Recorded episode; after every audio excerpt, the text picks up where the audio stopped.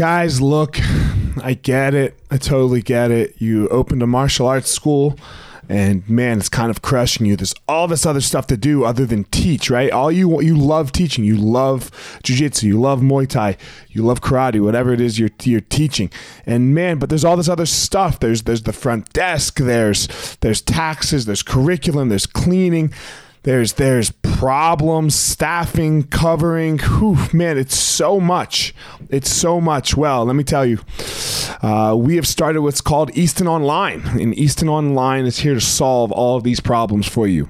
Easton Online is a digital academy for martial arts school owners and managers. Will help you establish or enhance your business with best practices. Most importantly, we're going to help you get back to what it is that you love most teaching and doing martial arts. Okay, so for more information, guys, go to easton.online. Again, that's easton dot online add your email you're going to get notified about the course launches our first course is going to be all about the first impression specialists your front desk and all kinds of stuff, special offers, promotions, as well as we started a podcast by the same name, Easton Online, that's gonna talk about our process of how how we went from a tiny little martial arts school to what is now seven martial arts schools, seven Brazilian Jiu Jitsu Muay Thai schools, um, in a very holistic way that we believe um, kept the integrity of the art and also deals with its people very well. So again, easton.online, enter your email and you're going to get all you're going to get everything you need right there. So, thanks guys. Hey guys, don't forget to uh, check out my book uh, by the same name as the podcast, The Gospel of Fire. It is on Amazon. Um, so just go on amazon.com the Gospel of Fire, or you can just simply search my name as well, Eliot Marshall, and it will pop up. You can buy the Kindle version or the paperback version. I appreciate the support, and it just kind of goes up in about my life a little bit as a, as a, a memoir ish to self help ish type book. But uh, check it out. Leave a review if you so choose and you find it helpful or unhelpful, either way. So, Amazon.com back and then search the Gospel of Fire. Guys, the podcast is also brought to you by Onnit, O N N I T, Human Optimization Company. Again, code word Eliot is the code word for your order on Onnit. You will receive 10% off. Again, O N N I T all kinds of stuff for human optimization. They have supplements. Um, man, they have the total human. They have all kinds of stuff. Alpha Brain. I love me some Alpha Brain every once in a while when I know I got to sit down, get some work done. The brain just kicks in a little bit. I've uh, I've enjoyed using the Shroom Tech Sport. It gives that little extra boost when I'm when I'm getting ready to go do a workout. So again, O N N I T code word Eliot, and you will receive ten percent off your order. Guys, this podcast is being brought to you by Evo Labs. Evo Labs is a cannabis company who uh, has some of the best CBD products on the market. I really enjoy all uh, their CBD products. They have an intense salve that is my favorite product, where um, deals with muscle soreness. You rub it uh, on your muscles. You rub it, you know, rub it on your body after a shower, and uh, man, really helps relieve the soreness. The other CBD products, um, all kinds of different ones um, that you can can intake or use some for sleeping, some for stress and anxiety. Anyway, evolabs.com. Go check them out. And you type in the code word fire and you will receive 10% off your order. evolabs.com. Ever have sore, beat up fingers after jujitsu? We all have, right? Ever wish there was a better way to ice them down than sticking your fingers in a cup of ice water? Well, now there is Penguin Fingers. Invented by a Jiu Jitsu black belt, Penguin Fingers remove the soreness from your fingers or your toes in just minutes, allowing you to train harder and longer with less damage to your digits. Chronic inflammation is like sand in your joints. Training day, day in and day out with sore, irritated fingers can leave them arthritic and knobby. Penguin Fingers can stop all of that before it ever starts. Penguin Fingers non toxic, reusable individual finger ice packs come in boxes of one, two, or four soft gel sleeves. Simply keep them in your freezer and roll them out onto sore fingers or toes as they are needed. Available on Amazon or at penguinfingers.com. Fingers are life tools. Protect them. Use code 10 the fire and you will receive 10% off at checkout. Again, 10 the fire for 10% off at checkout at penguinfingers.com.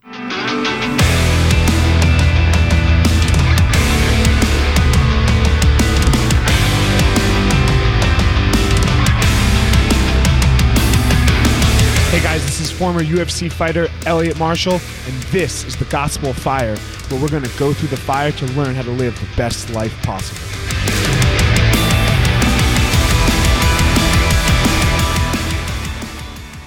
What's up, guys? This week on the podcast, I have MMA journalist and uh, friend who gave me, I think he was the first person that interviewed me once I got into the UFC. Uh, Damon Martin. Damon Martin has worked for MMA Weekly and he's, he's just been all over the scene from the very beginning. Um, he's an OOG of MMA journalist. He even remembers the dark ages when uh, the UFC was not even allowed on pay per view. So um, I bring you my man, my homie, Damon Martin. All right, guys. Man, I guess I have a some type of sadomasochistic thing going on with myself right now. Um, I interviewed Ariel Helwani, who's one of the best MMA journalists in the game, and now I have another one. Uh, guys, people that are just better at interviews than me. Uh, I suck at them probably compared to their standards. They they probably call each other and laugh at how bad I am. But here I am, Damon Martin. What up, man? What's going on? How are you? I'm good, man. Thanks for having me. I appreciate it. Thank, thanks for coming on. Of course, anytime.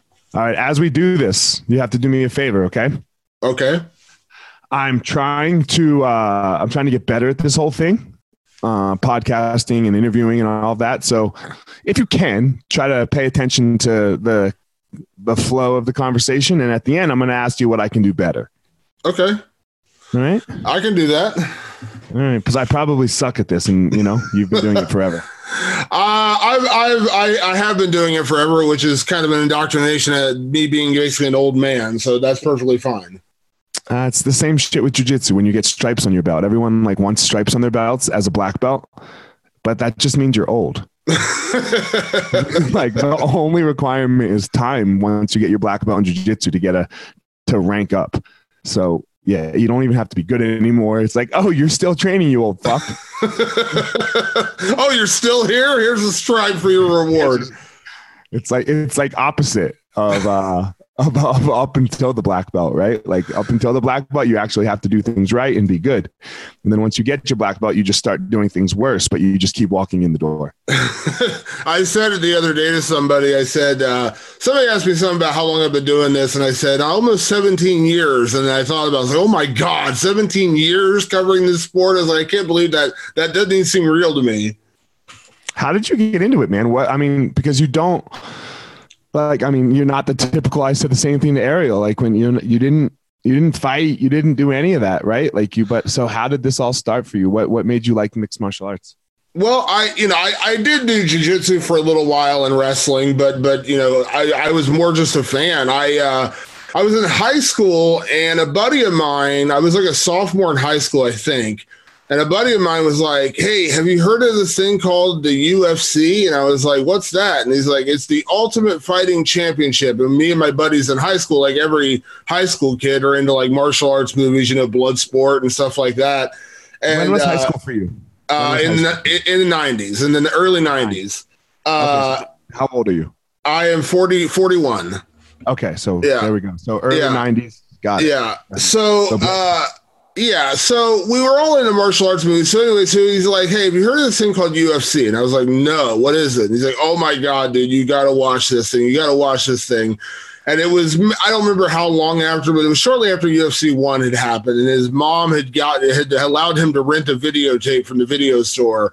And so I went over to his house after school one day and watched it, and I was just like, "What is this?" Like it was just so crazy watching Royce Gracie go out there and choke everybody out in you know two minutes or less. And so I was like, wow, this is awesome. And so his mom let us watch UFC 2 on pay per view. She let us buy it. And uh, oh. so we got to watch UFC 2 live as it happened, and I was hooked ever since. And then there was a down period where I kind of got out of the sport because the UFC and, and mixed martial arts kind of went off television. Like they got banned basically. But I remember going to the video store and renting the tapes as they would come out. So I was able to keep up as best as I possibly could. That's how it and, happened, right? Like you yeah. had to you couldn't watch it live anymore for a long for a while. You had to go find it afterwards. Yeah, no, I mean it was it was gone. Like it was dead in the water. Like you literally had to go like Blockbuster or whatever video store to find the videotapes. And then I kind of followed the sport, kind of forgot about it for a while. And then uh, you know, basically in the you know, 2000, 2001 when Zuffa bought the UFC, I was in college at the time, and I remember picking up a magazine. I can't remember what it was, but there were, I mean, it was Maxim or one of those kind of magazines.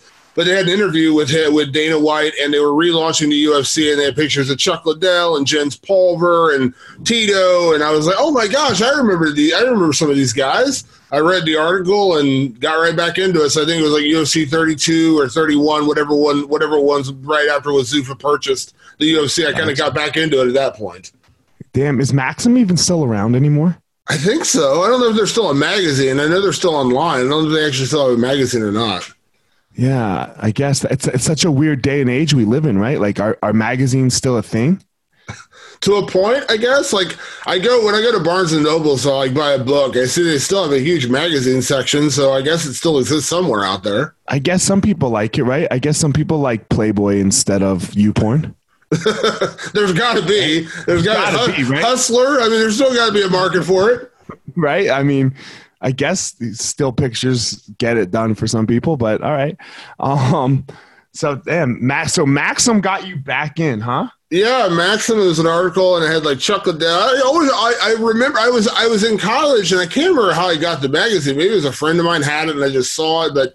Yeah, I just saw like Chuck Liddell and Tito and Jens Pulver and a bunch of fighters, and they said, you know, we're relaunching the UFC, and I just remember I was like, wow, because um, what I, I'd followed I was always a fan, but what really got me like passionate about it was around UFC 10, I think it was when Mark Coleman started fighting.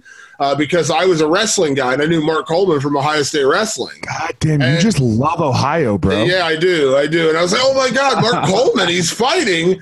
And so then I became like, you know, really obsessed with that at that point. And then, yeah, so like uh, whatever it was, like 2001 when Zuffa bought it, I was like, oh my God, this is the thing. Because they were going back to pay per view. I was like, oh, I can actually watch right. it again. Because like there was a period there from like UFC 20 to UFC 30, I think it was, where like, at that point you couldn't even find the tapes. Like, like you, they, they were so far gone. Like you couldn't even go to Blockbuster and find the tapes. And people have to remember, like this is um, I guess the internet was around, but none of us really had it. We all had dial up where like there was no you like to get online to figure out who won a fight. Like I don't even know if you could do that. Could you back in like when they when they were uh, you can find out everything on the internet now. You, I mean, if you missed the UFC, you you you can go on MMA Weekly, you can go on MMA Fighting, you can go on uh, MMA Junkie, all the websites, and just follow along if you're not gonna like steal it. Yeah, correct? yeah. So this was not a thing that you could do. No, when, not at all. In, in not the 90s. Like back in the back in the back in like the late nineties, early two thousands, when the internet was like really first launching, like you could go online and like the most basic looking. It looked like somebody put it together with construction paper, like it's how the websites look. So you weren't finding anything, uh, you know, without really digging for it. Because back then, I think the only websites that really covered the sport were basically like Full Contact Fighter, uh, Sherdog, and I think MMA Weekly started around that point. But yeah, there was no. I mean, you could you you were you were you were searching, and I mean searching for it. And I don't know like when search engines started, like Yahoo and Google and stuff like that. So like I don't even know how you found. Like I can't remember how you found stuff back then. Yeah, you had. Who knows, man? That's like before time.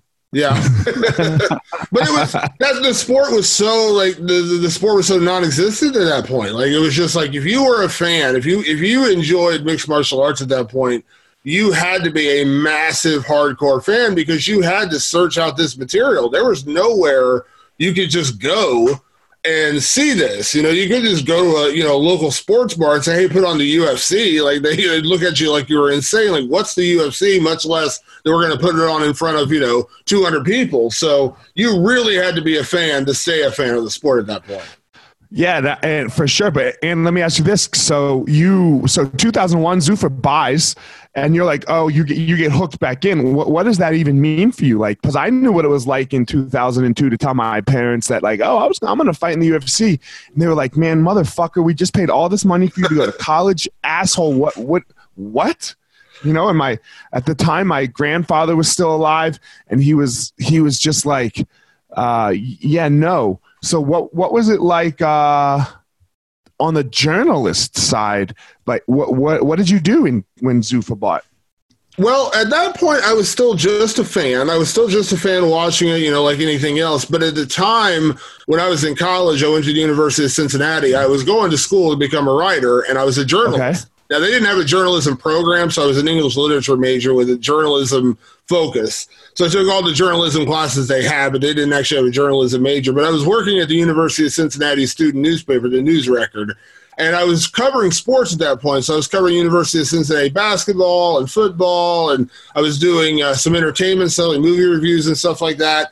And so it kind of got the bug in, like, man, I wonder if like anyone writes about the UFC. And so I graduated college, and this was a few years down the road in like 2000, 2002, 2003, I was just getting out of college and I was getting into the job market and stuff. And I was just like, I wonder if there's like anyone that actually writes about like UFC, anyone that writes about mixed martial arts.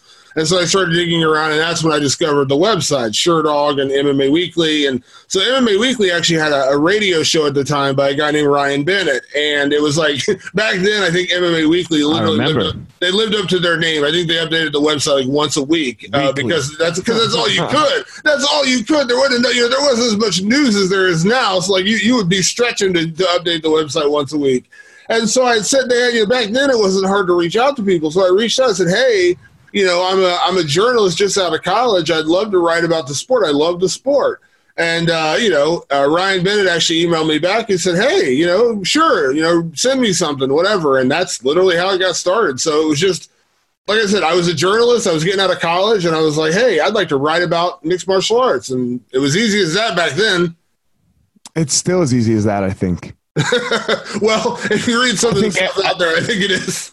well, I just think, well, just in general, man, like this is like, uh, I guess, and you, you tell me, you'll tell me how I'm doing afterwards. I just asked these questions in the beginning, I think, to try to figure out something to talk about because I, I don't know, I don't, I don't really care about MMA that much. Like, I, I find it interesting, but I don't find it like I find people's stories interest more interesting, like how you got to where you are, and you just, you just sent an email or a tech, was it an email that yeah, you sent to Ryan email, Bennett? Yep and you just asked and for some we like you just communicated with somebody and this is just the best way i mean it's better than ZipRecruiter it's better than all these other job like they work but man put yourself out there right you just put yourself out there for and like you were you were going to really pass or fail right there there wasn't going to be uh, oh, you know, man, how do I get more people to see my post or blah, blah, blah. No, you sent it to an actual person, one person, and asked for something.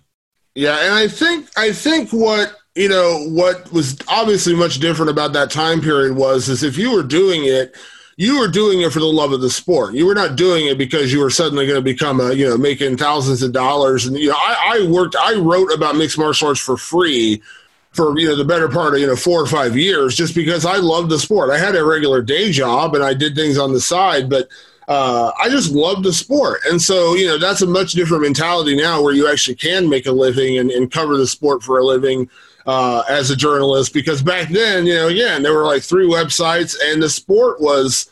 I mean, when you talk about in its infancy, I mean, you look at you know the biggest pay per views at the time were doing like you know twenty thousand sales. So you, know, you got to imagine how many people were actually even watching the sport at that point.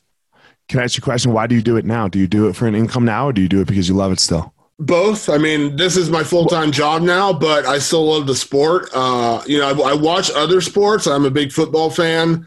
Uh, I used to watch baseball. I used to watch basketball. God, did you much. watch Monday? Did you watch that the end of that Saints? The Saints game. Yeah, I watched that last night. That was crazy. Shit. That was crazy. I actually when when Houston scored the touchdown, I was like, "Oh my god, I can't believe they came back." And then T. Watson's a freak. Yeah, that was crazy. right. That was oh my god! And then and then Houston just fucked up at the end there with that defensive call. Yeah, that was the worst call they could possibly make. and then somehow you end up. It's just like then the Saints. It was crazy. I was just like, my God, Drew Brees was he 41, 42 years old, and he's still out there slinging the ball. It was that crazy, man. No, I disagree with you. I disagree with you. He had like by the by when he got the ball, he had to go like 40 yards, right? Like 30 yards. And then and they had a timeout. And then that last call, I mean, okay, so I hate I hate shitting on athletes because they're actually like in the moment with no time to think. Right? Right. Like, oh god, I should, should I move left or right? Right, left or right, left or right. Fuck, left. Fuck, I was wrong. I should have moved right. God damn it. I'm looking up at the lights, you know? Um, but I, I think coaches sometimes we, we can we can talk about their mistakes a little more. I, I don't know. I'm a coach now, so I, I don't mind if people get mad at me. Um, you got to get beat deep for the touchdown Yeah. on that last play, like rather than get beat for five yards or ten yards. Yeah, trust Because- me, I'm I, I'm a Bengals fan, so every year is heartbreak for me. So trust me, I fully understand the the mechanism of watching a team blow it in the last second. But that wasn't even the team. The team did what they were told to do. That was all coaching. They they were told to play off coverage, Yeah, right? And like to not get beat deep. Well, dude, if you get beat deep, like okay, but maybe hopefully you can make the tackle because that's what the prevent defense is, and then that would be more than two seconds, and the game would be fucking over. Well, I tell you what, and this is coming from a guy who played football, and I love football, and I've been, you know, I've been, I've been, I've, I've loved football longer than I've loved MMA. Uh, I have never understood the prevent defense. I've always hated that defensive posture on the, on the end of games. I hate prevent defense. I don't understand. I understand when the team's spreading the field and they're sending out, you know, seven or eight wide receivers. It seems like, and you got to cover the field. But I have always hated that that that that final you know that two minute the two minute offense and then and then the other team always wants to play a two minute defense when they play prevent and i would say 99 times out of 100 it seems like it backfires to me i hate that defense I understand. I understand the prevent defense if you're up fucking twenty with two Yeah. minutes left. Sure, let him go score one touchdown. Go ahead, have at it. You know, Yeah. but make it make it take a drives minute and a half. insane i hate You know? prevent defense i hate it Yeah. Well, you were you were winning one way the whole game. Like they, they only you can only. I joke about eight wide receivers. You can only have so many people go down the field looking for a pass. If you have a defensive front line, they're going to eventually get pressure on the quarterback. Why are you dropping your safeties and your cornerbacks 10, 20 yards down the road and just giving up chunks of yardage? Especially in this day and age where guys like what we saw last night, a guy can get a 58 yard field goal. Like they don't have to get that much. They don't have to get that much yardage to get into place for a freaking 58 yard field goal. Uh, why would you give it? Oh, it drives me insane. I hate prevent defense. yeah, I, I, I guess I could have seen the prevent in that in that situation. Maybe like I can if all they needed was a touch. If they needed a touchdown, Yeah, like I guess I could have seen it because there was two seconds left and they were on the forty-seven or thirty-seven. 40, Yeah. let's just call it easy math, right? So you got two seconds, they got to throw a Hail Mary now, right? But the prevent defense, when, when literally they only have to go 40 yards, 50 yards from the start, and and there's 40, I mean, what was there, like 45 seconds left? yeah, it was really like 47 seconds left. Yeah, there was 45 seconds left, and they had a timeout. Yeah, and you're What dealing with and you're dealing with a guy in Drew Brees who is one of the greatest quarterbacks of all time, one of the greatest deep ball throwers. Like, why are you giving him space to work like that? Like, oh, just I I've always hated that defensive call. I've always hated it since I started watching football, and it never Yeah. ceases to amaze me how many times teams blow games by playing prevent defense. Yeah, man, it's not like you were the quarterback and I was the fucking wide receiver. We suck, right? You're you got the best, you got a top five all timer back there. What are you doing? Yeah, you're just begging. You're just begging for disaster to happen, especially considering they just came down and took back the lead. You know what I mean? And then you just, I mean, oh my, it's like there's certain teams, certain. I understand if you're not scared of Andy Dalton, the Bengals quarterback, because I wouldn't be scared of Andy Dalton as the Bengals. But, oh, but shit, an actual hater. yeah, well, I'm a Bengals fan. Uh, but you know, if you're dealing with Tom Tom Brady, Tom Breeze, even like Cam Newton, guys who can really fling the ball and make big chunks of yard, why are you just giving them 20 yards of play and saying we're going to tackle him? You know, they try to keep everything within the line so you can't get out of bounds. And I'm just like, oh, it's the it's the dumbest defense in, in all of football. It drives me insane when I see somebody say they're in a prevent defense. It's like in fighting when they. It's like when you're fighting not to lose. Yeah, it's like remember that fight uh, years ago, and and they took a ton of criticism, and I know the guy very well, and I like him very much. Bryan Caraway was was in a fight, and one of his corner people told him, "You're winning, you're you're cruising." And it was a very close fight, and then he ends up losing the third round. He lost the fight by split decision, I think it was. It's like you can't tell anybody to just cruise. Like there's too much danger in this sport to tell anybody just go out there and survive the final round. Like that's just not the mentality you want to have going into a fight, especially when it's a close fight. I don't care what your corners are telling you, but you're winning because he wasn't. It was a very close fight, and then he goes out and ends up losing the fight. So I'm not the best coach in the world, but there are some there are some things that I think I, I do decently. Um, I was one of my best moments I'm proud of was when I had was with Corey when he fought Lineker, and he asked me if he needed the third round, and my response was, "You need every round." Yeah, because it, it's a fight. Like if you you you can't slip up. I mean, look, in every other sport, you can slip up for a second, just about. You know, like you can and you can recover. You can't do that in fighting. You no. slip up for a second, it could end. You know, I would yeah. never tell. I would one. I would never tell someone to cruise. I would say run away for ten seconds. If, like, you know, the last ten seconds, I'd be like, go ahead, run.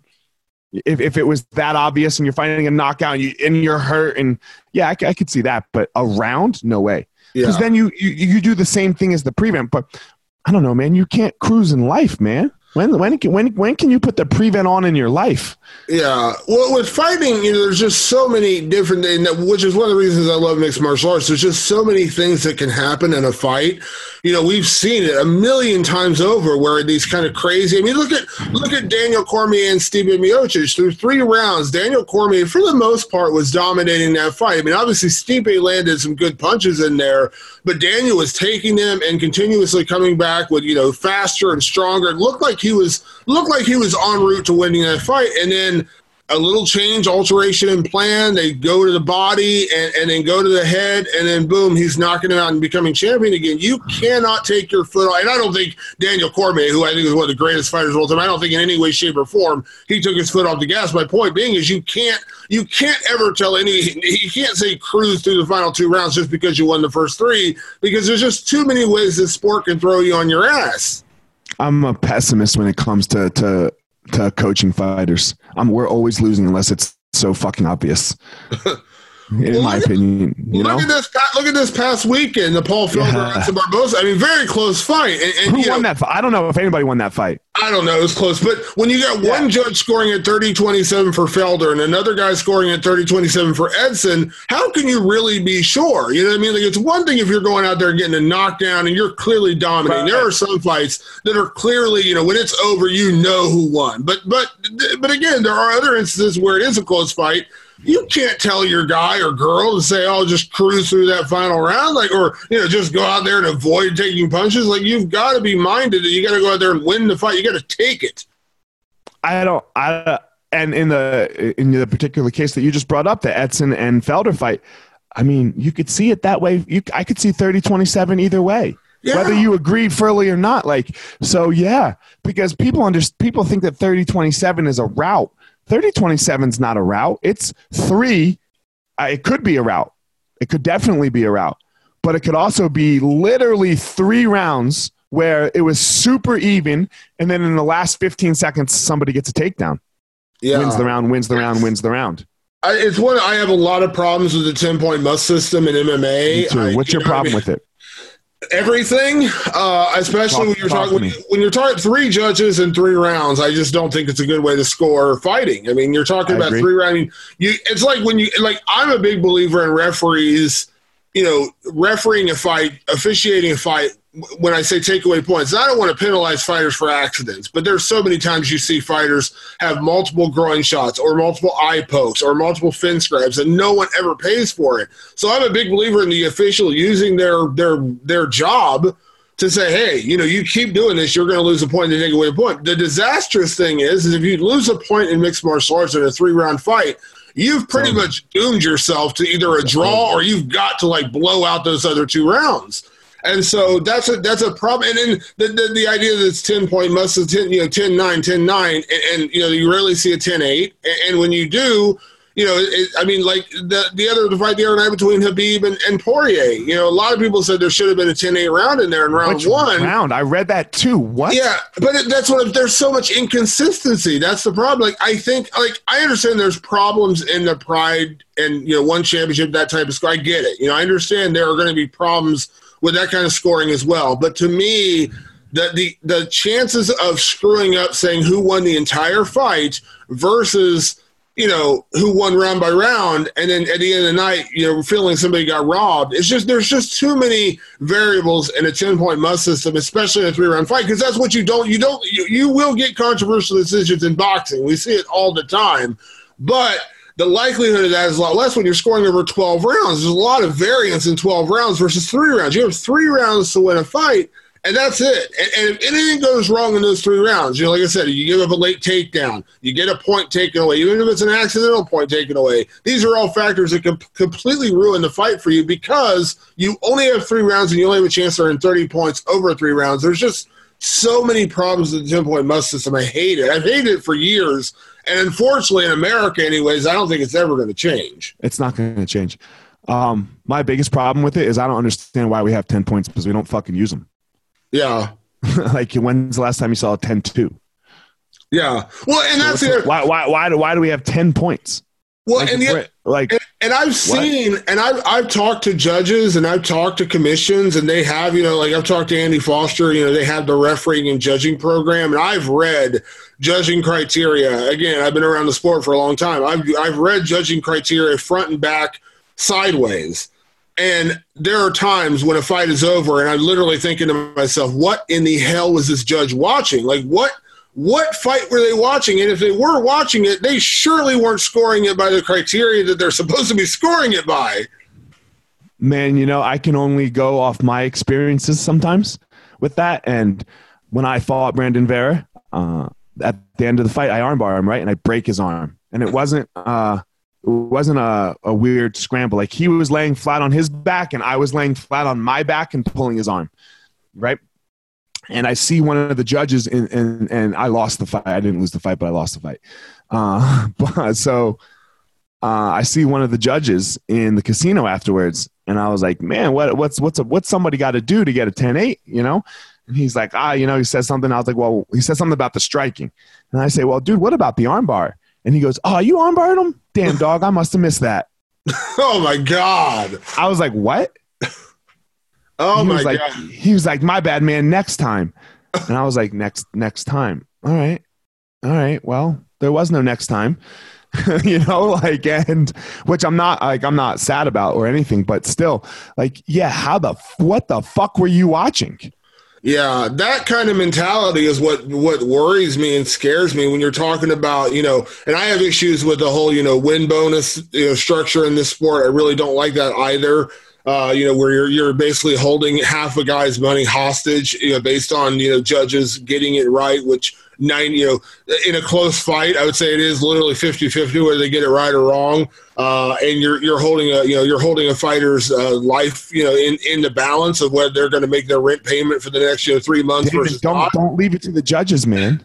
Yeah, exactly. But uh, and that's the that's the no, issue. No, don't leave it to the judges, man. They and and but you wonder sometimes like what they're watching, like and and then like as a guy like I'm a, I'm a, I'm you a have no comment huh? You have no comment. No, no, here's here's the thing. When they say don't leave it in the hands of the judges, like that, they literally put that on the wall at the Ultimate Fighter gym, where it says, Right. "In the hands Yeah. of the judges. Listen, I get it. I understand the mentality of going out there and finishing, but when you're at the highest level of the sport, or even not the highest, there's going to be times where you're not going to finish your opponent. You should be able to. You should be able to count on the judges sitting, you know, cage side to get it right. I mean, look at Floyd Mayweather, one of the greatest boxers of all time. He hardly ever finished anybody, but did that take away from his greatness that he was a you know a phenom- he's a shit person, but a phenomenal boxer? Uh, I don't think you should be penalized just because you can't finish a guy. I don't think you should lose. I don't think you should be punished by a, a crappy judge just because you couldn't go out there and knock the guy out or get a submission. I, I think it's terrible. You can't depend on these judges to get it right. and for me, look, I think like the three round thing, um, I think it plays into that. Like, so you have to go play and, and like, look, we all can't be Nate Diaz. We all can't go out there and kill or be killed. Everyone's, everyone's not that gangster. He's that gangster, right? But every, not everyone is. And sometimes it takes a minute or maybe 15, 12 to like get a guy to the point where he's done. Yeah. You know, and then and now here you are. Now you're going for the next three minutes where you're trying to finish, but like you, you can't like when you go balls to the wall from the gate, man, you are taking a huge and massive risk of getting finished yourself. Yeah, let me let me give you a perfect example of the judging Yeah. problem with the ten point must system. This past weekend, the women's fight, uh, the strawweight fight between JoJo Calderwood and Andrea Lee. Uh, Yes. The first two rounds were painfully close. You know what I mean? Andrea, I thought you know you get the takedown late. She had some good ground and pound. First round, First goes- round. Yep.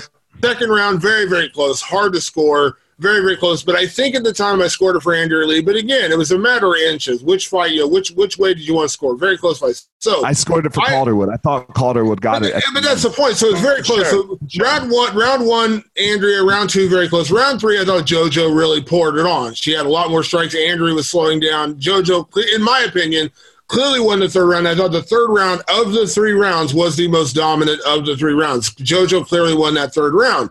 Now, if you're scoring the whole fight. You know, a very close second round and a dominant third round, and you're scoring the whole fight. I would say JoJo Calderwood win that fight. But based on the 10 point must system, the first round went to Andrea. The second round, again, I edged it toward Andrea. And again, remember, judges, when you're sitting cage side, they take their scores after every round. You can't, at the Right, end, you can't- change you your mind and say, oh, I actually think she won the fight. So, boom, JoJo goes out and, in my opinion, has the best round of the fight in the third round. But I'd already scored Andrea winning rounds one and round two. So, guess what? Andrea Lee wins that fight, even though at the end of the fight, I think JoJo ultimately had the better performance. I can't take back the fact that I somehow saw round two for Andrea Lee versus you saw for JoJo Calderwood. And now, you know, JoJo won the fight. But I'm saying if I was one of those judges, I would have just, I would, in my head, I would have said to myself, I think JoJo won that fight. But because I'd already scored rounds one and round two for Andrea Lee, she would have won the That's, that's a You, problem. would- you would have been the judge sitting cage side going, fuck, man. Did I Yeah. really just give this fight to this other person? yeah. And, and, And you, and you did. Yeah, and that's the problem right there. And we've seen it a thousand times where there's two really close rounds, and maybe in the third round, maybe the first round, the guy goes out there and just completely blows the guy out of the water. It's clearly a 10 9, probably should have been a 10 8. And then, you know, maybe he slows down. Maybe you know, the gas tank drains a little bit after trying to go for the finish. Rounds two and three are very close. And then the other guy ends up getting the decision because two and three were very close. Yet round one was by far the most definitive round of the fight where you clearly saw the difference in skill sets. And then round two and round three were just closer. And you could say, ah, you know, you could give it to either guy. But then because maybe the two judges give it two rounds to the other guy, he wins the fight, and that's that's a that's a problem. Like I said, I think scoring the whole fight. And yes, there's a there's a myriad of problems you could you could point out there too. A lot of sketchy decisions and pride and one and other things like that. But by and large, I think you're going to have a much better system of scoring fights the right way when you score the fight as a whole. And if you're actually scoring it by the criteria, which again, you know, that's that's a requirement. That, Uh, that's a. I think we're getting better at that. Yeah. You know, we're Well, you are seeing we are seeing fight. I I I blown. I can't remember what fight it was. There was a fight recently where there was a guy on the bottom uh, applying his jujitsu game, his ground game, and he was going for submissions, and he was constantly threatening. And the guy on top was literally just basically trying to get out of submissions, stave off, you know, being reversed. That's literally all he was doing. Didn't throw a punch, didn't throw an elbow, was just defending from the top. And when the scorecards came out, they ended up giving the guy on the bottom the round. Now, think of that from eight or nine years ago. You would have never seen that. Guy on the bottom Never seen loses. it. Guy on the bottom loses. That's it. You're on the they used bottom. to give the if I if the if the bottom fighter put the top fighter in a triangle and then a guillotine and then an arm lock and then a kimura, they they they used to see it as man, what great defense from the guy on top, which which is defense doesn't win fights. Like we know it does, but you can't win on defense, yeah. right? Like at the end of the day, like uh, you know, if the guy throws a hundred punches at you and you dodge 90 of them and get hit with 10 of them and you hit them with zero punches you lose Yeah. right you you lose so the, the defensive argument is no good and yeah I, I agree we're starting to see the opposite so We're starting. good it's it's Yeah. not it's not perfect. It's like the old day. Remember the remember what was it? Uh, Cecil Peoples, who always forever live in infamy the guy who said he didn't score a leg kicks. kicks. Leg kicks. It's like, yeah, when you yeah, tell Edson Barbosa you're not going to score leg kicks. Tell Jose Aldo you're not going to score leg kicks. So we're getting better. I will say we are getting better with the judges. The education is getting better. But look, I, I love me some Cecil, but he's the one who missed my armbar. yeah, so it's like I mean, it's like we're getting, and I think you know, as time, you know, we have to remember the sport is very young, but I think we're we're right. starting to see better and better. Like with the refereeing, you're seeing guys like Frank Trigg, who's now a referee, a guy who was a fighter. Yeah, I was I, was going to totally bring this up. This is my yeah, man. Uh, we need people the retired guys to to we need to be coaching we need to be refereeing we need to be judging right we need to be getting in there if if we want the sport to be better it's on us like i don't i don't like like the I know we've been com- complaining and talking about what's wrong, but it's our fault if it stays wrong, in my yeah. opinion. Yeah, you know, like I, and and you see, and that's why I get so excited when I see Frank Trigg refereeing a fight. Like I have faith in yep. Frank Trigg because Frank Trigg has been in there. Uh, Shaolin Ribeiro, phenomenal fighter in his right now. He's doing refereeing and things like that. I believe in New York, yeah. on the East Coast. That's the kind of we need those guys. There was a time when Ricardo Almeida was getting involved, and then he ended up, you know, staying on the coaching side more. But that's what we need. We need guys who are involved in the sport, who have been in the sport, who have done the sport, who know the sport to get involved in judging and and and refereeing, and those are the guys you can depend on. Because listen, like Herb Dean, I know Herb Dean's made some some call callback. Listen, you're going to make back. Unfortunately, we're going to have bad calls. It's people.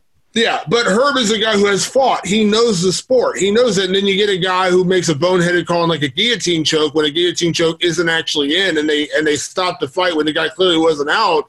And you're like, a, what was this guy watching? And B, has he ever been in a guillotine choke? Was he, you know, like I'm not a fighter. I'm not, but I have practiced jujitsu. I, I know what it feels like to be in a guillotine choke. I know what it feels like to be in an armbar. I know what it feels like to be in a in a triangle choke, and I've seen it I've seen, I've gone through it myself, but I've also seen people firsthand doing it. And I know the intricacies of that. And, and you know, and, and, and you what, like I've watched, I've been to Renzo Gracie's Academy and I've sat there and watched guys roll for hours, just watching them roll and watch John, John Danaher teach.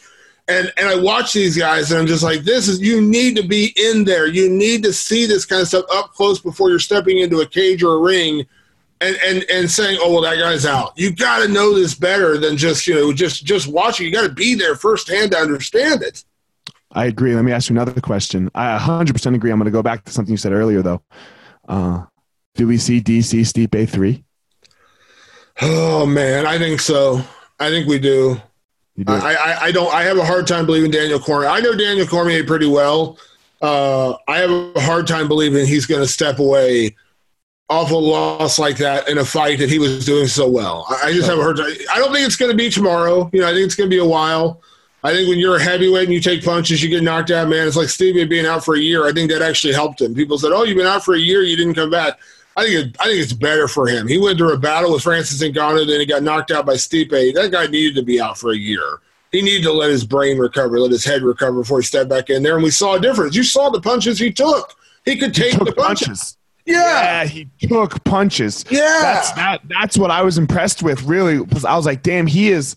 He's taking the punches. Where I mean, I didn't think. I. I mean, he went out. He knocked him out for sure the first time, but I didn't think the punch that DC landed in that first fight was that hard. And who knows? I wasn't the one taking it, but I felt like he took way harder punches in this fight. Yeah, I think that year off was beneficial to him, and so I think if DC DC comes back, I think it's got to be you know July next year, or June next year, you know something like that. But I, I just have a hard time believing he's going to walk away with that being his final fight. I just because you know the Jones fight's gone, he's not going to get that fight now. I don't think he was ever going to go back to 205 pounds. The fight, if he's going to retire on, is going to be Stipe. And listen, who wouldn't watch that? You know, the first two fights happened. Who wouldn't watch yeah, that? Yeah, who would watch it? And I feel bad for a guy like Francis Ngannou, who has clearly earned a title shot. You got there, knock out JDS. You got, you not got Cain Velasquez. I, I, think no. I think I think you know. I have to say, I think we're going to see Ngannou Stipe two first. You think so? Yeah, man. You think Stipe is going to sit out for a year as well? I think he could. I think he could, and I think he could. Here's the thing, and I think here's we'll see. An, we'll see an interim heavyweight title then and that's and see here's the problem with with the the the stature of where we're at in the sport with these interim titles and things like that like i remember back in the day you remember when frank mir went got into his motorcycle accident you remember that Yeah. And uh, and and it was it was terrible. He had one of the biggest wins of all time going out there and beating Tim Sylvia the way he did, breaking his arm, and then he gets yeah. in this terrible motorcycle accident, and they knew he was going to be out for a good long time. And it took a while before they finally, you know, they gave Andrei Arlovski, he ended up winning the interim title, but they let him stay interim champion. They didn't, they didn't determine he was the real champion for a long time when they realized Frank wasn't. We, well, we didn't, we didn't. But my point being is, is like, I think every case has to have its own scenario. Like, I love, I think Dustin Poirier is phenomenal. I love Dustin. Okay. So it's not on him. But we knew Habib, we knew Habib was going to be out for nine months with a suspension. But he wasn't injured. He didn't tear his ACL, and he wasn't going to be out for a year and a half or something crazy like that. We knew he was coming back. He was just under a suspension. Why are you crowning an interim champion other than you want to have a championship fight at the headline of a card? We knew Khabib yeah. was the best lightweight in the sport. We knew he and, and the thing is, he wasn't even out a year. He, he yeah. won that he beat he beat Conor last October. He just won his fight, and so it hadn't been a year yet. If he was going, if he if he had to sit out that nine month suspension and then at the end of that nine month suspension he blows out his knee and he's going to be out for another year, okay, then I see you crowning an interim champion. But he wasn't even out. He wasn't even out a year. I agree with you, man. Like these, like there are people that have title, like, and it's so hard because I like, uh, man, give every. It's not their fault. It's not. It's not Poirier's fault. Um, it's not Colby Covington's fault that they have belts that they that they're not really belts, right? Yeah. well, the like, UFC, the UFC has created this culture of you know putting on so many shows, and they always want a title fight. But look what they just did. They made this fight between Nate Diaz and Jorge Masvidal. Everyone is excited about this fight, and it's a non-title fight. You don't have to have a title on the line to get people get, get people hyped up about a fight. And like you know, like I said, I mean, I get like Robert Whitaker. We knew he was going to be out over a year when he went through his whole situation. We knew he was going to be out for over a year. So I get why you crown an interim champion maybe in that particular situation. When's the last time he fought? Uh, it was the last June, so it's been a little, a little, over a year now when he fought Yoel Romero. So right, so it makes sense that we have an interim title there. Yeah, but even that, they crowned the guy in April. So it was before a year. It hadn't even been a year technically. Now we knew he was going to be out more than a year. We knew he wasn't going to make it a year though. I think yeah. yeah so yeah, I, I, I don't have a problem with that one, right? Because they crowned they because uh, Israel got it in April, yeah. and we knew Robert wasn't going to be able to fight towards the till to, to the end of this year. Yeah, so we knew that was a year and a half. So okay, crown the interim champ, and then but then the the next immediate fight, Israel's fine waiting five months to fight, right? Like. Yeah like, like the next immediate fight, like you got Colby, who's never lost. You got Tony Ferguson, who's never lost with with belts, and like in like, and I get it from the fighter's mind. They're like, no, man, fuck you. I'm the champ. right? Yeah, and it's and it's like if Stipe, you know, I mean, he won the fight, but he, you know, it was a war. He took some shots yeah. in there, and heavyweight is a different animal. You know, what I mean, you take shots at heavyweight, you know, that's some serious damage. If he wants to sit out till June or July and give Cormier the rematch, I mean, who are you? I mean, I, I feel for a guy like Francis Ngannou who who deserves it earn. I get it. I understand his frustration, but but what what fight do they give Ngannou, man? I don't know. I mean, listen, and Guy talked to Ngannou a couple weeks ago. You know, he's taking some time off to shoot this Fast and the Furious film. He's doing that thing, so which is awesome. Uh, you know, maybe you just, you know, listen, maybe you, you know, you have him as a backup, and you know, if someone gets injured in training, you have him jump in and fight the other guy, maybe. But yeah, I, I feel for I really do. I feel for a guy like that. But if if Stipe is, you know if Stipe wants to take time off and, and, let his brain recover, and if DC decides, hey, I want to come back and fight one last fight, my retirement fight for the title, you got to do it. And I feel, I really do feel for a guy like Francis Ngannou who kind of gets screwed in that situation. But we got to be honest; it's a rare situation in this sport where that really happens. You know what I mean? Where you really because when when when DC moved up from light heavyweight to heavyweight to fight for the title the first time. Everyone said, well, he's jumping divisions, he's jumping the line. He wasn't really. The, the guy who was supposed to be the next guy in line was Francis Ngannou. He had just lost to Stipe. There was no other guy right there at that moment who should have fought Stipe, who DC cost the title shot. You know what I mean? When DC moved up, there was nobody there that you said, "Oh my God, I can't believe they're giving DC this title shot over such and such fighter." You know what I mean? Uh, so you feel for Francis. You know, you feel for him not getting it, but you know, this is just one of the scenarios in sport where you got to do what's right. And what's right in my mind is giving DC and Stipe the time they need to recover. And if they want to do it a third time, they do it a third time. When's the last time they did what's right, though? that's, that's a that's a that's a deep question right there. That's a very deep. Right? look, look, at Tony Ferguson. Look at that poor guy. You know what I mean? Twelve nah, fight wins straight. I'm not even. Hold on, hold on. Not even that, man. Let's back up a second. They're going to crucify Conor for what he did in the bus incident. And then they're going to crucify Habib for jumping over the cage in that whole incident. And then they use that footage as promotion. Yeah. Well, and then Dana, after the whole UFC 229 debacle happens, he says anyone involved in that brawl will never fight in the UFC again. Not only not only did Zubaira Tukhugov end up fighting this past weekend, they signed Abu Bakar Nurmagomedov to the UFC, and he wasn't in the UFC, and he was involved in that brawl. Now, I'm not saying those guys should have been kept out. I understand the attentions were heated, whatever. But don't say it, and then like six months later, not only are you giving the guy a fight, you actually sign the other guy. Yeah, but I, I, I, I think I think the the other part was I think the the using the footage is worse. It because, is. Like Dana, it is because Dana, like you know how Dana is. Dana pops off at the mouth and yada yada, right? And that's heat of the moment too, right? Like that's heat of the moment too. And then he's like, "Wait a minute, I can't fucking back that up." Blah blah blah. But like when you're sitting there going, "All right, how are we going to promote?" you don't. You don't need Habib jumping over the cage and fighting to promote a Habib fight. Yeah. Right. He's he's the he could be the goat. He's never fucking lost in, in an actual real MMA fight. Like you, you, you don't need you don't need the craziness. Who who's going to be like? Why are you? Why are you promoting a fight with Poirier with him jumping over the cage in the Conor fight? I get yeah. it. I, I understand it if he That's rematches Conor yeah, and you want to show it, but why are you showing that to promote the Poirier, the Poirier fight? fight? Yeah yeah that i'm sorry I, I, you said it better than me. That's yeah like i i know they're going to do it in the conor fight. Yeah. you know that if, if if that and i agree with Khabib fuck you don't you don't get to fight again. Fuck off. Like how dana said that that's the next fight if tony ferguson won't sign? What? Yeah. What? He hasn't won a fight in like three fucking years.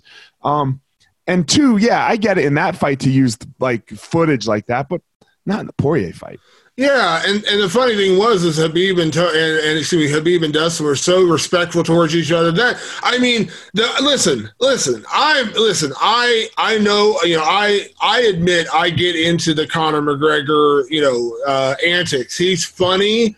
He brings an energy to the sport that maybe we have never had before. He is, you know, he is one of the most prolific trash talkers of all time. And while he definitely goes over the line, I think some of the stuff he said about Khabib was definitely over the line. But like, think about that Rafael dos Anjos thing when he said the red panty night. How funny was that? Like, just amazing. in that moment. It's, it, so, yeah, it's amazing. Conor absolutely has his place in the sport, and I love Conor. But the moment after Habib and, and Dustin, you know, finished their fight, Dustin's heartbroken obviously moment in his career, biggest moment in his career, he fell short.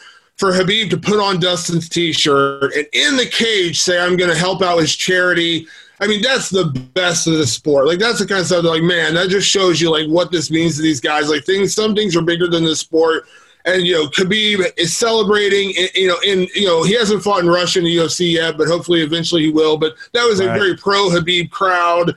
He's selling his his father was in his corner for the first time ever. You could understand the emotions got the better of him, but still, in that moment, he's giving Dustin's shirt, and I want to declare in in in that moment in his celebration, he's going to say, "I want to give, you know, I want to I want to do this auction Funny. for Dustin's yeah. chair." That's the best of this sport, man. Like that should just make you be like, "Man, there there are good people involved in this sport, and you don't need to trash talk." But then you go back to the promo and they're showing that crap, but which had absolutely nothing to do with the fight. Nothing. Yeah. I have to say one. I think one of the funniest things that Habib has ever done for me, or when he was after the Conor fight, when he's sitting there in the press conference, and they're talking to him about like the repercussions, and he's like, "Man, I'm in so much trouble." And they're like, "Well, what do you mean?" He's like, "My dad's gonna kill me." yeah, like that's the kind of stuff. But like that's do you see the best of the sport? And like I said, I yeah. get it, man. I like the trash talk. I like the heated rivalries as much as anyone. I love the Jones Cormier stuff. I get it. You know what I mean? But mm-hmm. not everything's going to be that. And I appreciate the honor. You know, at the end of the day, you know, we all got involved where you know most of us got involved because of martial arts, and martial arts is very much about honor. You don't you don't go out trying to kill your opponent. You don't go out trying to just hurt your opponent. It's a, it's a competition, and there's honor in martial arts. And I understand, you know, listen, I get into it, you get into it, we all get into some of the fiery side of stuff, but not everything is going to be that way. And like, right. Habib is the you know argue, you can argue all day. I think he's the greatest lightweight fighter of all time right now. Now, does that mean he's going to stay the greatest? No, but right now I think he is, and he is a very popular guy, very well known guy. You don't need that. You don't need that to promote his fight. I don't think anyone. I don't think there's a single person on this planet that bought that pay per view or tuned in because Habib jumped over a cage in his Conor fight, and now he's fighting like nobody. Nobody. Not did. one person. Yeah. Nobody did. Let me ask another question. What do you think of the champ champ? Which one? Just the idea. The, the idea of champ champ. Uh man, I don't like it anymore. I liked it at first because it was a rare, unique thing. Because you remember for years we wanted Anderson Silva, George St. Pierre. Everybody right. wanted that fight. Everybody wanted that fight. Teased forever, every post fight press conference. What about Anderson? What about GSP? Right. We never got it. And so when we finally got that chance to see a, a, champion from one division go to a champion of another division, you know, BJ did it with GSP, but that fight was more about rivalry than titles. I have to remind myself sometimes there were titles on the line because they just never champ. BJ was never champ champ. No, no, but I'm saying he tried. He went up from lightweight and fought George at welterweight, but at that point there was so much heat between those two that you kind of forgot titles were on the line. You know what I mean? Like, that was just B- one of those. BJ wasn't the champ of lightweight though. He could have never was. been a champ. He was. he was. He was. He was lightweight champ when he fought GSP the second time. The second time, yeah. Okay. So yeah. You know so, so he that was just a, that was a great rivalry that also had a title you know on the line in that in that moment. Uh, but like when Conor did it and even though we got to be honest, Conor didn't deserve it, you know, based on. But I tell people, here's my favorite thing to tell people in mixed martial arts, Eliot. I say all the time, if you want to stay sane watching and or covering this sport, strike the word deserves out of your vocabulary because you'll lose your mind with the whole deserves thing because it never happens. But my point is, uh, Conor, Conor didn't really deserve that shot at that point. He had just, you know, he had just beaten Diaz, hadn't defended his featherweight title, and they're going to give him a title shot. But it was I was at Madison Square Garden that night. That was an incredibly awesome moment to see Conor jump on that cage, two belts in hand. The champ champ does that whatever the fuck he wants. Like it was just a really cool moment. But unfortunately, it's lost its kind of specialness because now everybody's trying to do it and no one's really earning it. Like I think Henry Cejudo is phenomenal. I do. I think Henry Cejudo, you know, I don't disagree with him saying he's one of the greatest combat sport athletes of all time when you look at his wrestling and everything. But he had beaten DJ, which again, kudos. Demetrious Johnson, one of the greatest fighters of all time, and he beat D, uh, TJ Dillashaw. And I get it because he beat TJ at flyweight, why you want to book him going up to bantamweight. But then you think about all the bantamweights who had to wait in line because the guy jumped the line when there were bantamweights in line. And you know, you look at. I mean, it's just like you feel you feel bad. Like no one's. You know, like when GSP and Anderson were going to do it, there was no doubt they were the two best guys in their weight class. George was the greatest welterweight. Anderson was the greatest middleweight. Putting them together seemed like a foregone conclusion. They just never did it. But when you have everybody, well, no one was beating either one of them, right? Yeah, and when you have all these people jumping up in divisions and wanting to jump up in divisions, and I said this the other day on Twitter, and I really do mean this. When Habib said, "I'm not moving divisions, I'm staying at 155," I said, "You know, everyone's talking about champ, champ, and I want to be the champ, champ, and I want to be the double champ." I said, "Look at how hard it is just to defend your title. The longest reigning champion in the UFC right now is Amanda Nunes with four defenses. That's it, four defenses. Which, when you think about it, it is a lot when you think about who she's beaten." But that's not like when you think about George St. Pierre had nine, and, and you know maybe would have gone beyond that had he not retired or had he not. What did Anderson have? Had uh, Anderson had ten, uh, Demetrious yeah. had twelve. But you think about right. how hard it is to stay champion. DC got one title defense as heavyweight. You know what I mean? Uh, you know, you think about some of the greatest fighters. You know, the great, the people you look at and say, "Wow!" I mean, Jose Aldo, I think had seven, maybe eight. I think seven or eight is when he got beat uh, you know, you think about these champions who have these great, you know, historic records. Ronda Rousey. Uh, say what you will about Ronda. Ronda gets a lot of hate these days, but she had five title defenses, like five or six. Yeah, five or six. Uh, Ronda, which, Ronda deserves all the hate she gets, man. well, no, I'm saying like in terms of what she did at the time she was in the sport, five or six title defenses, which is still the record. No woman has come close to that. You look at Jessica Andrade, just lost, didn't even get one title defense. Namajunas right. had one title defense against the person she beat to get the title. I think And, Right. you know, you go down, it's impossibly hard. The longest reigning lightweight champion of all time has three defenses in the UFC. That's it. Three. it, BJ. Uh, BJ and Benson Henderson both had three. That's it. That's it. That's how hard it is to defend a title. So when you Yeah. when, when you talk about these champ champ scenarios, like I kind of hate that that we've gotten into mindset where like Habib has to defend himself staying at just 155. Like why? You know what I mean? If Habib goes out there and be, are, are you going to tell me? Are Look, you going to tell me? Are you going to tell me? Are you going to are, are you going to tell me that if Habib goes out there and beats uh, Dustin Poirier, Tony Ferguson, and uh, let's say Justin Gaethje, just throwing out a number, then maybe he beats Conor again. Maybe Conor does earn his way back. He beats all those guys. He's 32 and 0 or 31 and 0 at that point. Are you going to try to tell me that Habib is any less of an all-time great or any less of a you know a phenomenal fighter? That he didn't go up and, and win the 170 pound belt or the 100, you know what I mean? Like, are you going to tell me that Henry Smith, and I love Henry, I'm not knocking Henry, I'm just using him as an example. Yeah, You're going to tell sure. me, as a guy who has one defensive flyweight and just won the bantamweight title, because he has two titles on his shoulders, you're going to tell me that guy is better than Habib Nurmagomedov if he goes to that? That's what I'm saying. Like that, it's a, it's Well, a let me ask you a question. Who's your goat? of all time, Yeah. uh, Jon Jones Okay. And how many how many weight divisions does he have the title in? one, And who's your next? Who's number two at goat? uh, George St. Pierre. And how many? Uh, he did. He finally did go to middleweight once, but that's Oh, it. he did. You're right. Yeah, did but that was- once. That was more of a super fight, right? Yeah, but that wasn't. But his, you don't remember George. You're not going to remember George because he beat Michael Bisping. No. You're going to remember him for what he did at welterweight. Right. And and who's your next greatest? Uh man, it's tough when you go down the line. I mean, it depends on how you want to feel about the whole drug testing thing, but I think you got to put someone like Anderson Silva in that It's conversation. Anderson. And how many and how many championship weight classes? he won one championship at middleweight. He fought at light heavyweight, never won a title at light heavyweight. Right. Yeah, And he, and he fought at light heavyweight sometimes just to fill in for fights. Like his Yeah. fight with DC was a fill in fight.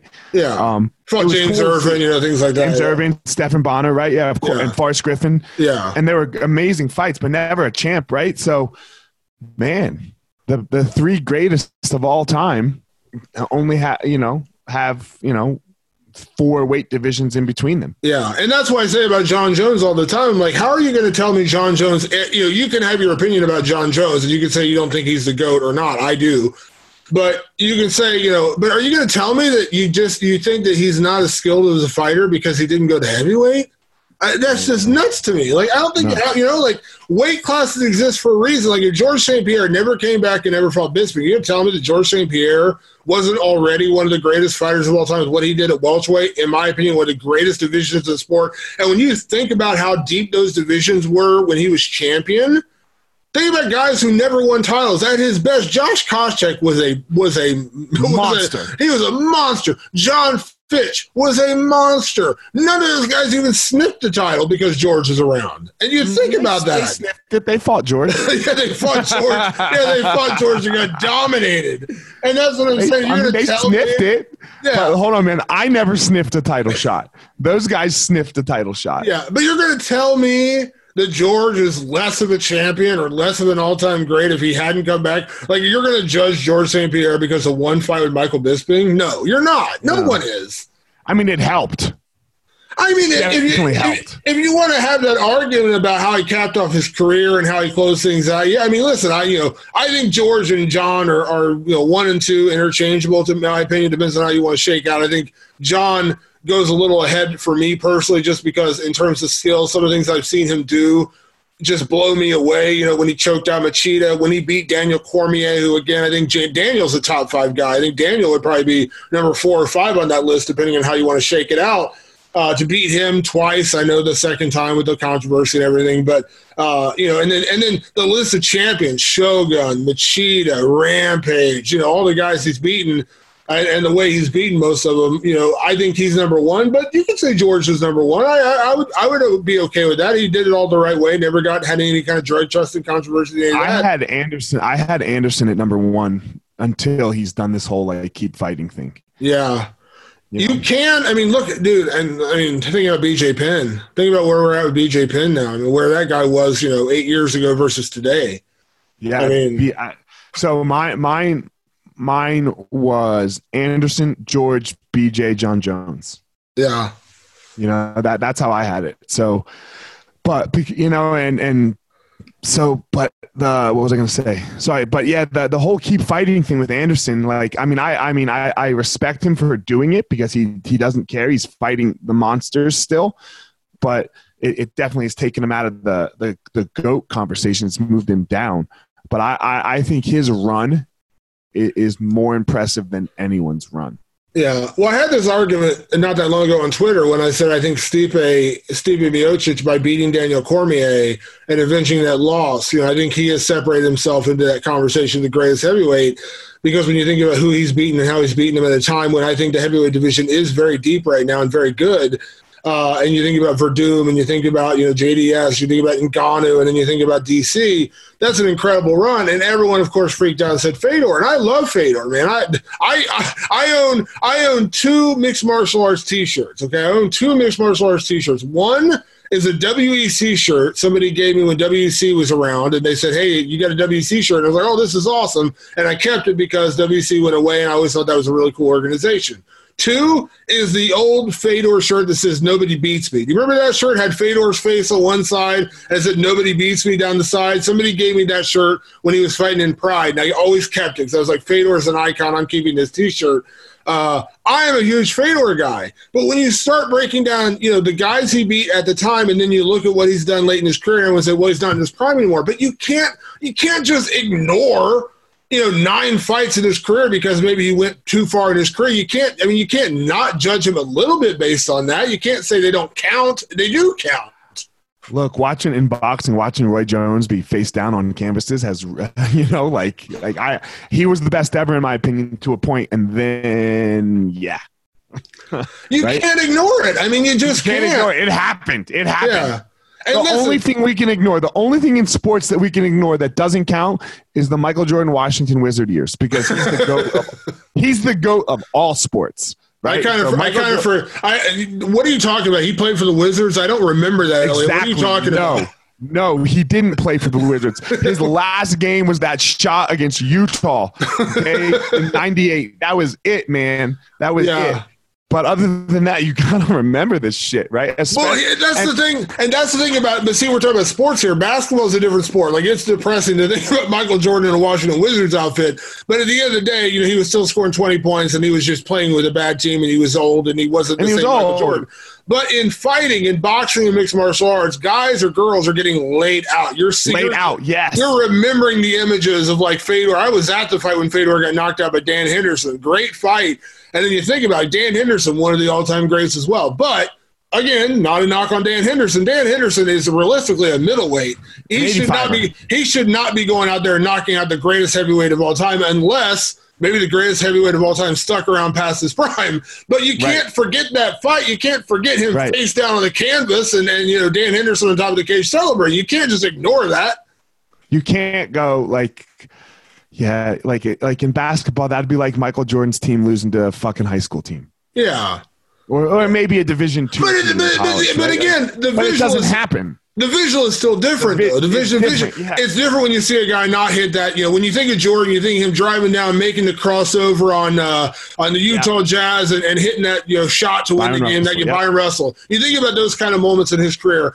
But with fighting, you're thinking about guys getting laid out cold. you know, your your memory is you know Fedor face down on the canvas or whatever, and that's a harder visual to erase. You know what I mean? Like that's a whole different kind of visual to erase. You know? And they never come back. Like like that could have happened to and that that I mean, Anderson's gotten fucked up before. Right, like yeah. GSP got knocked out by Matt Serra, but they come back. Right, they they come back to do. They came back to do much much more. So that wasn't the last visual. It's it's hard it's hard when that's the last visual. Yeah, and like even with Anderson, like when he broke his leg against Weidman, like that was you don't you don't really count. I don't count that against that him. I count the count I, that, I right. count the first Weidman fight obviously, but I don't right. count the second because that. But then you keep going and and you think about you know the Bisping fight and and again war, but you know I mean Bisping you know did what he did. Then you think about you know I thought he I thought he won that fight. Man. But but again he but, won that fight and he was knocked and I thought that fight should have been stopped. Bisping was out, homie. But but you think about but you think about you know the the, the way you kind of tarnish or like that at that point I think Anderson was still very very very good you know what I mean and that was and Michael Bisping obviously a phenomenal fighter in his own right but then you go past that and you think about yeah, you know you do you know Anderson fighting you know Derek Brunson I love Derek Brunson this is not a knock on Derek Brunson but you think about Anderson you think about Anderson Chael, you think about Anderson, you know, Marquardt, you think about some of the you know greater fight, you know, some of the bigger, you know, the bigger stars of that era and then you're just kind of bummed when you're sitting there thinking about Anderson losing to whoever he's losing to. You're just like, man, like, and it's like Fedor. Like, I don't think there's any shame in Fedor losing to Matt Mitrione. I think Matt Mitrione's awesome. Like, I think, but you can't erase the visual of Fedor getting knocked out by Matt Mitrione. That doesn't not count. You can't just say because he was great for 10 years and you can't say, well, now he's not in his prime anymore. It doesn't count. It all counts. It all counts. It's like BJ. I love BJ. I love BJ. But his record is like 17 and 14 now. You can't ignore yeah. the fact that if he keeps going, he's gonna he might end up with a 500 record. That's insane. Yeah, it's depressing, but you can't ignore it. It's sad. I, I don't have much to say. But you know what I mean, though. Like you can't, you can't, you can't. Like if George had stuck around, you know, George stuck around and never left, and he had a very close decision with Johnny Hendricks. Now, let's say he comes back, they have a rematch, and Johnny knocks him out in the first round, and then George comes back, and maybe he loses his next one, and then George comes back again, he loses his third one. Then he comes back, maybe ekes out a win, you know, gets a fourth, whatever, sticks around and just keeps going, and ends up with his career ending with like a you know a four and four streak. Right. You yeah. can't ignore those four losses just because he was at the tail end of his career. You can't forget about it. We're not talking about GOAT anymore. Yeah. You can't. That's why you have to appreciate a guy like Jon Jones, who has really been doing it for almost a decade now of what he's been doing. You know, Khabib Nurmagomedov 28 0. You have to appreciate those guys doing so what I they're doing Khabib, because it's I so hard. Khabib's in the conversation now, man. I really do. Top three. I think if Khabib goes out there and, and, I think if Khabib beats Tony Ferguson, who I think is probably the biggest challenge he has out there, if he beats Tony Ferguson, he's he's absolutely in that conversation. I think one more win over a guy like Tony Ferguson, and you're in that. That's like to me, that's like Jones beating DC. When Jones beat Daniel Cormier, he jumped to that next level where I consider him the goat. If Khabib goes out there and beats Tony Ferguson, how can you not put him in that conversation? He's gonna smash Tony Ferguson, bro. He very well might. He very well might, man. I I thought Dustin would do better than he did, and and not because I thought Dustin had the greatest wrestling in the world. I just saw his tenaciousness and his ability. You know, because when you think about some of the other guys he's beaten, with you know, keeps him on the end of his punches, things like that. But look, you got but Dustin. Dustin's a phenomenal grappler. He is. He's a black belt. Phenomenal grappler. He's very, very good. And what Tony's good at is, like, um, Tony's very good as well. But the style of grappling that Tony implies is going to get smashed by the style of, of grappling that Khabib implies. Yeah. Like the matches that I'm like, I hope we get to see one day just because out of curiosity. Like, I'm, I fully admit I'm a big American wrestling fan. Like, I think a guy like Gregor Gillespie I think is one of the most talented up and coming guys in the sport. Obviously, NCAA champion, phenomenal wrestler. He's losing, Phenom- on, he's losing on November the second. November the second. losing on November the second. But uh, like I, I, I want to see I want to see one of those. What I want to see a wrestler who actually uses wrestling to fight Khabib just to see how he makes that adjustment. He may win. He may dominate. And he may smash them. Well, yeah, Gaethje is absolutely interesting. It's just I'm curious. Like I talked to Gaethje last week, and he's like, you know, when he was in wrestling, he's like, what helps him out in the fight with Khabib is he was never a very.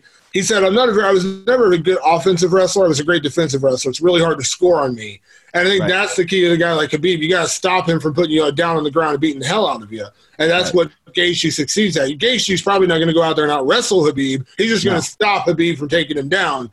And uh, knock him out. Yeah, but that's that's what you. I I want to see those kind of matchups where we do see him against a great wrestler. Like how does he do? Look at George St. Pierre pass with flying colors. I mean, took on right. Josh Koscheck, beat Josh Koscheck handily, and Josh Koscheck was on paper ten times the wrestler George St. Pierre. Jon Fitch, same thing.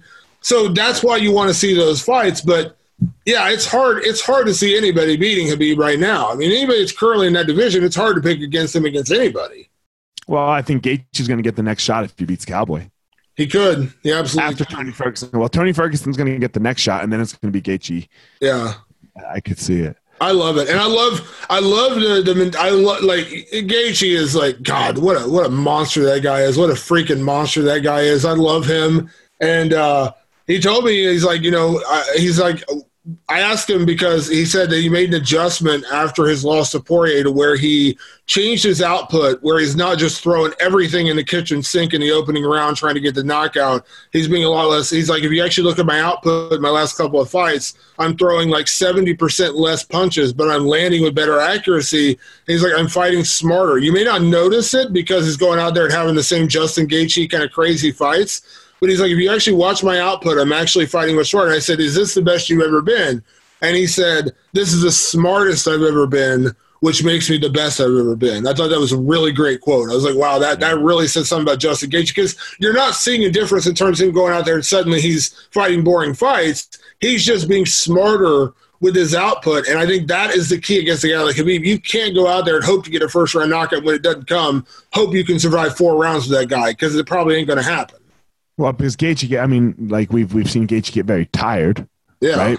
So you can't get tired against Khabib. No, that is a guy who will know? feast on you. He will feast on you. He gets you tired. He gets yeah. everyone tired. Poirier has phenomenal conditioning, right? Like these guys have phenomenal conditioning, and he gets everyone tired. Like Conor got Conor, we've seen come through the tired before, and he and Conor couldn't come through it with Khabib. It's just too swarming. And the scary thing about Khabib, look at what look at the Poirier fight from the other night. Poirier caught him in that guillotine. Best chance of the fight, best chance of the fight for him to win. He didn't get it, but he went for it so hard his arms were just wasted that moment. Yeah, you, yeah, and, he was done. And, and Khabib seized on it. He yeah. knew it. In that moment, he knew it. How quickly after he got out of that guillotine did he get that submission? Because he, he was done. Yeah, yeah. He knew, it. and he seized on it. And that's again what makes Khabib so great. He knew that Dustin was tired. He knew that he's like, you're not going to make it to a fourth round. And boom, he was, away. He was mentally tired as well, right? Because like when you're so close, when you feel like you're so close right oh. there, and then it doesn't work out, like you, your mental tired, your mental eh, that crushes you a little. Yeah. So that's that's another thing that makes Khabib so great is he will seize on it. Like he will absolutely seize on your weakness, your your moment of weakness, whatever it is. That guy will absolutely go for the kill, and that guy has a killer instinct unlike anybody in the sport right now, in my opinion. Like I think that guy's instinct to know when you're when you're on your way out, he will send you there. Yep, no doubt. All right, man, I got to wrap this up. But before we do, what can I do better? Give me give me an assessment. Uh, you know what? I I I got to be honest. I really enjoyed the fun conversation. I just enjoyed the fun conversation. wasn't a lot of questions in there. It was just a fun conversation, and that's my favorite kind of podcast. So that's my feedback. Keep the conversation going, man. I like the conversation. I, I enjoy it like that. I'm trying not to interview. Like I don't like interviewing people. Yeah, you know, I, I did my. I'm trying to talk. You know, my podcast I did with Matt Brown uh, for a long time. You know, Matt's Matt's Matt's my boy. Uh, that was what made it a good podcast is we didn't interview each other. We're just having a conversation. We get off on all kinds of crazy watching watching watching Matt Brown and Mark Coleman talk to each other was in and of itself an adventure. Uh, but there was no interview. You know what I mean? I wasn't asking questions, right. just fun. And so yeah, I enjoy that. that. The conversation, man, that makes it. So yeah, that's, that's what Rogan. I mean, like who's the pod god? Rogan. Yeah. Right? Yeah. Do you, you never know you never know what you're going to get in the Joe Rogan podcast. You never ever know what you're going to get in the Joe Rogan podcast, and uh, that's what I like about it. So yeah, keep the conversation going, man. That's my only advice. Cool. All right, I appreciate it, man. I will. Uh, so this is going to come out Monday. I will send you a link if you could share. That'd be amazing. Absolutely, man. Thank you for having me. I appreciate it. Thank you, man. Uh, right. I will see you. Uh, you're going to be at the. Are you going to be at the Madison Square Garden show? Hopefully so. I love New York. Ah, God, I love New York. I love New York. Mo- I mostly love New York because I get to go to Renzo's when I go to New York. Um, I yeah, and everyone. I always joke when the guys with Renzo's fight at Madison Square Garden. I'm like, so are you walking to the fight? Because I don't think most people realize how close Renzo's gym is to Madison Square Garden. Yeah, that I mean, yeah, Renzo's right in the mecca, man. Oh, I love it. I love it. So cool. All right, homie. Have a great day, and I will. Uh, I'll. Yeah, I'll talk to you soon. All right, talk to you soon. All right, guys. Find your power. All right, guys, thanks for listening to this episode of The Gospel Fire. Don't forget to check me out on all of my social media at Fire Marshal 205. Again, at Fire Marshal 205. Go to my YouTube channel um, Fire Marshal 01, that is, for YouTube, where you can follow. I'm, I'm making these videos 100K strong. That's the goal for the year. I want 100,000 strong listeners to the Gospel of Fire. So I'm making trying to make a video a week so that you guys can follow along on my journey of, of how I go about my day, some things that I talk about, some things that I try to work on for myself. And then finally, don't forget my website, eliotmarshall.com, where you can get up to date with everything that has to do with me personally, the Gospel of Fire. You're going to find all about my book release, um, also called The Gospel of Fire, February 12th. It will be for sale on Amazon that whole week for 99 cents. So all that information at eliotmarshall.com. Thanks again for listening. Thanks to my sponsors, Evo Labs and Onnit. So uh, that's it, guys. Hope you enjoyed the episode.